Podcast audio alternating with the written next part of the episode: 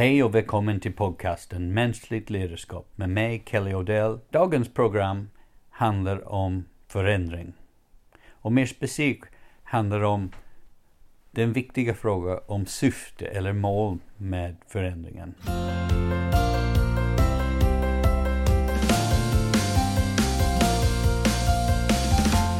Men först så skulle jag vilja diskutera en artikel som eh, jag såg i tidningen Forbes.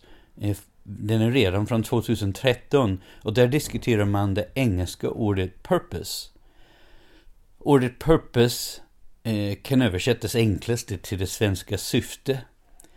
Och det finns en växande mängd forskning eh, och även mycket av min egen erfarenhet tyder på just vikten av det som man kanske kan kalla en syftesdriven organisation eller individer. Syftesdrivna organisationer skapar större engagemang hos sina medarbetare och de är mer framgångsrika med att förverkliga sina drömmar. Och oavsett om vi pratar om individer eller organisationer bör alla egentligen ha en gemensam övergripande syfte. Att skapa en bättre värld. Men det kan vara bra att man preciserar lite grann just närmare hur din verksamhet bidrar till att förbättra världen. För många år sedan satt jag i ett möte med några tjänstemän från det japanska företaget Matsushita. Matsushita är ett av världens största elektroniktillverkare och i Sverige så känner, känner vi igen varumärken som Panasonic, Teknik, JVC och andra. Under mötet visade dessa japanska chefer delar av sitt 500-årsplan för sin verksamhet. På den tiden var jag produktchef för mikrovågsugnar för Whirlpool Corporation. Med mig i mötet var ett par svenska kollegor. Vi visste just hur svårt det var för oss att hålla på med en femårsplan. Och här satt det några japaner och pratade om en 500-årsplan. Men medan vår femårig plan innehöll mycket detaljer om vilka produkter vi skulle sälja och hur mycket pengar vi skulle tjäna under vår planeringshorisont innehöll Machachitas 500-årsplan uttryck för deras roll i samhället, i världen och hur de skulle bidra med sina resurser och kompetenser för att skapa en bättre värld. Detta var no någon gång i slutet på 80-talet. Och jag var nog inte mogen att ta till mig detta perspektiv då. Idag är det klart för mig att en verksamhet eller en individ som har tappat kontakt med sitt syfte här i världen riskerar att inte ha något syfte. Häromdagen ledde jag en utbildning i förändringsledning för en grupp chefer för ett större svensk organisation under ett pass i utbildningen pratar vi om syftet eller visionen med förändringen. Eller som jag brukar säga, på vilket sätt blir världen bättre när vi är färdiga med förändringen? En av cheferna sa att deras verksamhet hade ofta svårt att exakt kunna förklara syftet med, med olika förändringsinitiativ. Han menade att det ofta landade i ganska vaga förklaringar om att det på något sätt bli bättre eller effektivare. Men, men han menar att de kunde egentligen inte precisera närmare på vilket sätt det skulle bli bättre eller, eller effektivare. Detta är ett större problem än man kanske skulle tro. Då ett av de vanligaste problem när det gäller förändring är just att ledningen inte lyckas svara på varför-frågan detta kan naturligtvis hänga på bristfällig kommunikation, men jag vet av egen erfarenhet att det kan också bero på att ledningen inte heller vet syftet med förändringen. Jag hade en chef för många år sedan som hade en begåvning att kunna identifiera kärnan i en fråga eller ett problem väldigt, väldigt fort. Trots hans avsevärda analytisk förmåga saknar han en del av den sociala förmågan. Då han kunde ibland vara rätt bufflig och okänslig. Jag kan fortfarande höra honom ropa ut What's the bloody point? Mitt i någons presentation. Detta hände mig ett flertal gånger och det var minst sagt enerverande.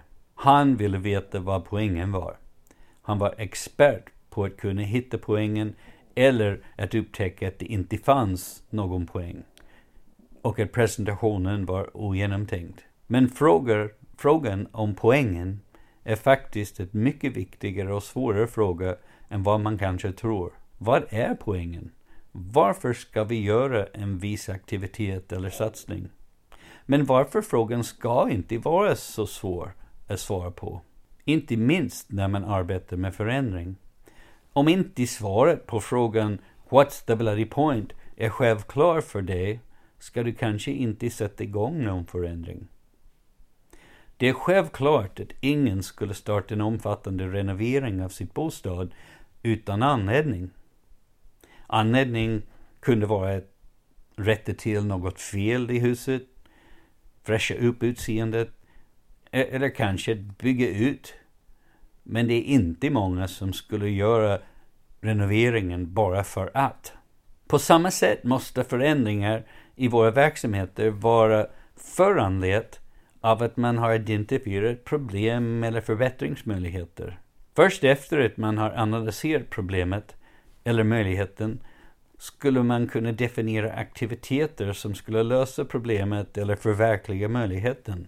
Det bör också vara självklart att de åtgärder som man, som man definierar bör svara upp mot de specifika problem eller möjligheter man har identifierat. Om man till exempel har upptäckt omfattande fuktskador i badrummet hemma vore det ganska orimligt att renovera sovrummet i den andra delen av huset för att åtgärda problemet. Jag har vid ett flertal gånger sett hur ledare tar fasta på problem som alla känner till i verksamheten och sedan lanserar förändringar som inte verkar ha någon koppling till problemet.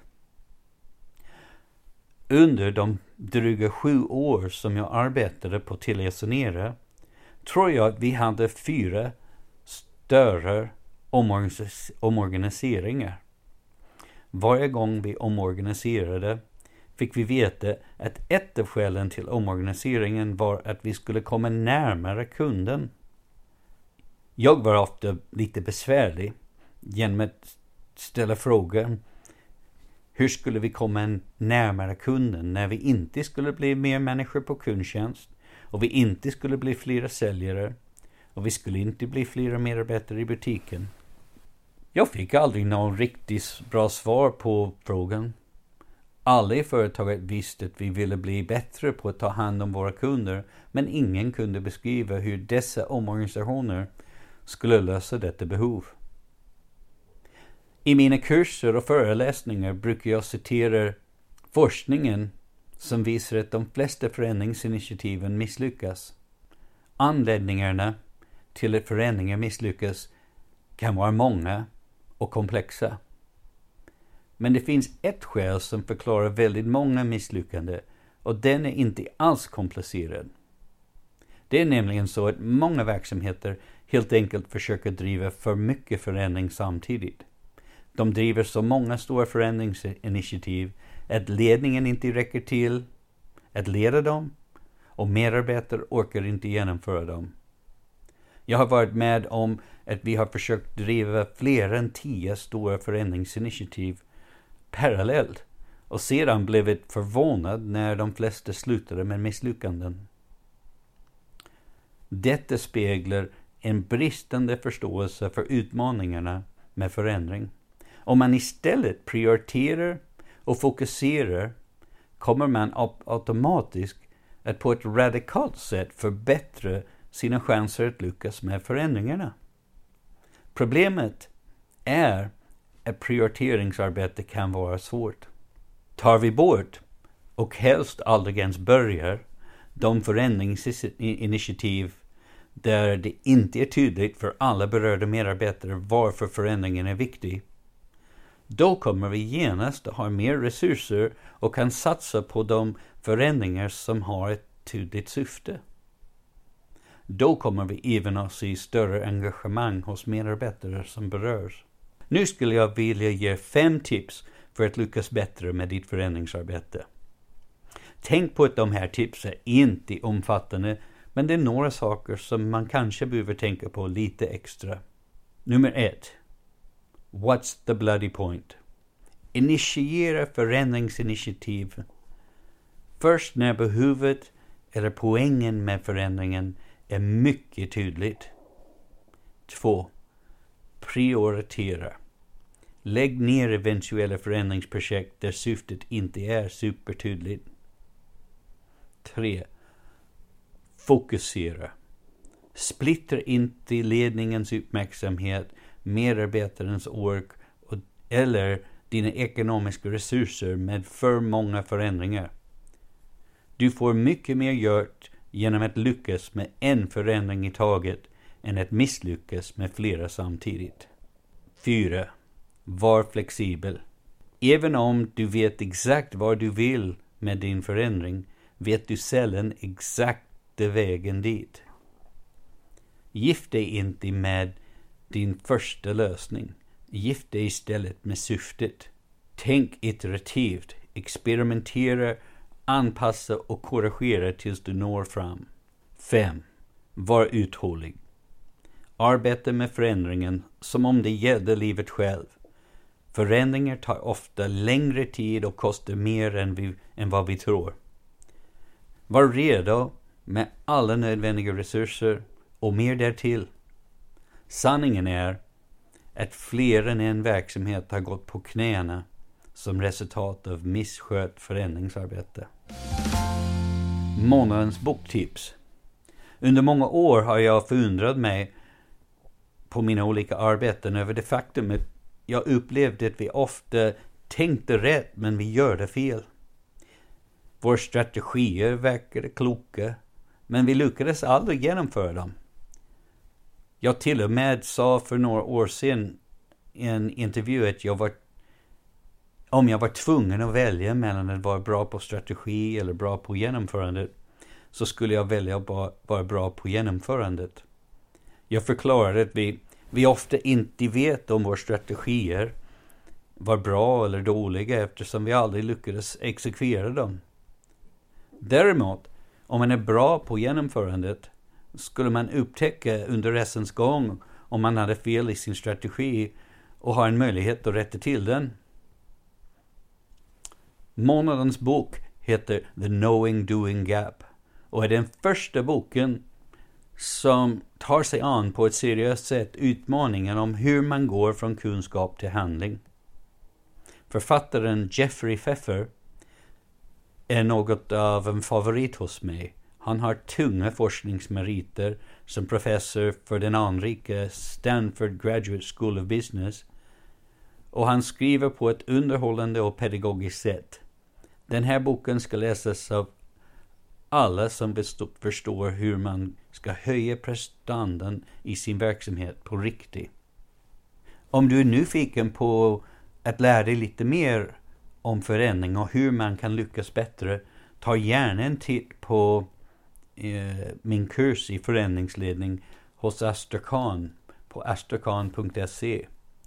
Du får gärna också titta på min hemsida kellyodell.se. Där finner du många verktyg, mallar och andra tips och idéer hur du kan bli mer framgångsrik.